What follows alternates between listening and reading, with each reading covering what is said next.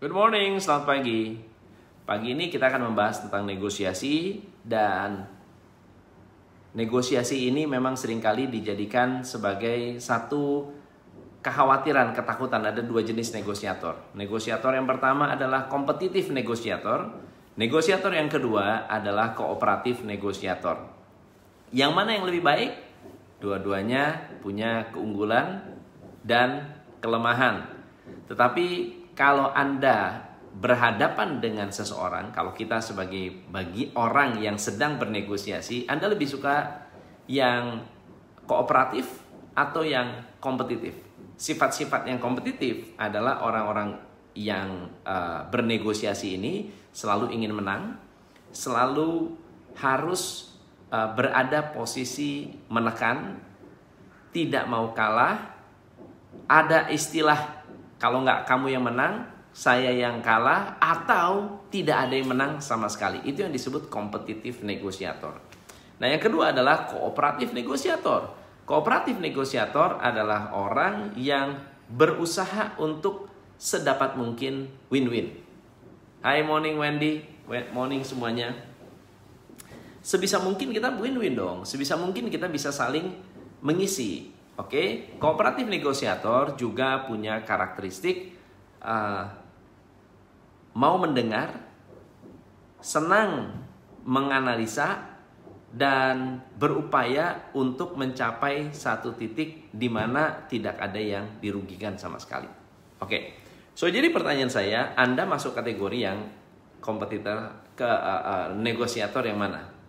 Kompetitif atau kooperatif? Nah, ada tiga trik yang saya uh, temukan, baik Anda kompetitif ataupun orang yang kooperatif, ada tiga hal yang harus Anda latih saat Anda menjadi seorang negosiator. Boleh dicatat ya.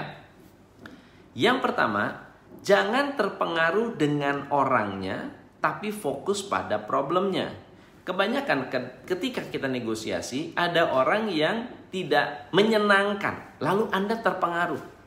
Lalu terpancing emosi, akhirnya Anda pilihannya adalah e, menyerah atau Anda kalah. Kenapa? Karena ketika emosi kita keluar, ketika kita terpancing secara emosi, kebanyakan mudah untuk dikendalikan. Oke? So jadi pisahkan nih. Ini orang jangan diperhatikan orangnya. Perhatikan problemnya. Perhatikan masalah yang dihadapi. Anda ber negosiasi dengan karyawan, Anda jangan fokus pada karyawannya, fokus pada apa isunya. Anda sedang berkomunikasi dengan customer, customer komplain, customer marah-marah, customer teriak-teriak.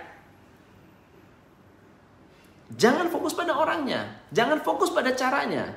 Fokuskan kepada problemnya, apa isi problemnya. Misalnya contoh, Suatu hari ada karyawan, sorry, ada customer, customer yang ngamuk-ngamuk marah-marah. Saya nggak mau tahu, saya mau marah, saya mau komplain.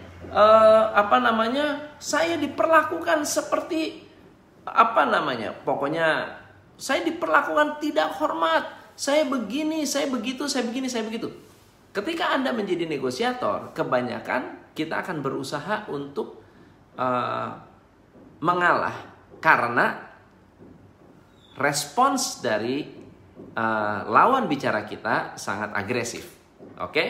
Tetapi kalau Anda adalah seorang yang jago negosiasi, Anda akan tanya, "Bu, problemnya di mana?" Bawa kembali kepada masalah. Problemnya apa? Problemnya apa? Problemnya apa? So, ketika dibawa kembali ke masalah, masalah itu menjadi fokus dan center dari percakapan kita. Oke, pernah satu kali ada seorang anggota marah-marah, gebrak-gebrak karena mau berangkat ke Jogja, pesawatnya delay, eh, sorry, pesawatnya uh, uh, uh, ter, terbang lebih cepat, lalu orang itu mau refund sore hari, sementara saya waktu itu di travel ya, sementara sore hari itu tidak bisa langsung refund karena Eh, kasir sudah tutup, eh, laporan sudah dibuat, ya untungnya hari yang sama karena biasanya pada hari yang sama kalau belum uh, kita belum terbang, uh, sorry, flight coupon itu masih terkumpul belum dilap, belum dilaporkan masih bisa di void, oke? Okay? Kamu kamu. Lalu kemudian dia bilang saya bisa bakar di kantor ini. Kamu mau saya bakar? Mana yang punya? Turun sini. Pasti Cina nih yang punya nih. Bilang sama yang punya, saya kalau nggak keluar uang hari ini juga padahal waktu itu kalau nggak salah uangnya hanya sekitar 400 ribu kalau nggak salah. Biasa saya bakar kantor ini. Saya waktu itu di belakang apa namanya ada di belakang eh, karyawan saya ada di depan. Saya perhatikan ini siapa nih? Saya anggota, kamu tahu nggak? Saya anggota. Saya bisa kumpulin anggota saya untuk bakar kantor ini. Lalu apa yang saya lakukan? Saya datang, saya kenalan nama siang Pak. Nama saya Tom saya atasan dari anak buah saya ini. Saya nggak mau tahu saya mau ketemu sama ownernya. Saya mewakili saya mewakili. Saya bilang gitu. Lalu kemudian dia teriak-teriak. Nah apa yang saya lakukan adalah saya tanya Pak boleh nggak saya tanya apa masalah bapak? Apa yang bisa saya bantu? Kita fokus sama masalahnya ya pak ya. Bapak kira-kira mau nggak saya bantu? Bapak mau bakar kantor ini boleh. Bapak mau runtuhin kantor ini boleh. Bapak kan anggota. Bapak lebih tahu hukum daripada saya. Bapak lebih mengerti uh, masalah daripada saya. Saya yang menjadi pelayan di sini. Saya bilang begitu. Saya yang melayani Pak. Bapak mau nggak saya bantu? Kalau nggak mau Bapak saya bantu, nggak masalah. Silahkan Bapak mau melakukan apa pun yang Bapak mau. Apa yang terjadi adalah orang itu menjadi nyadar gitu loh. Dia nggak perlu ngegos, nggak perlu teriak-teriak, nggak perlu ngegas.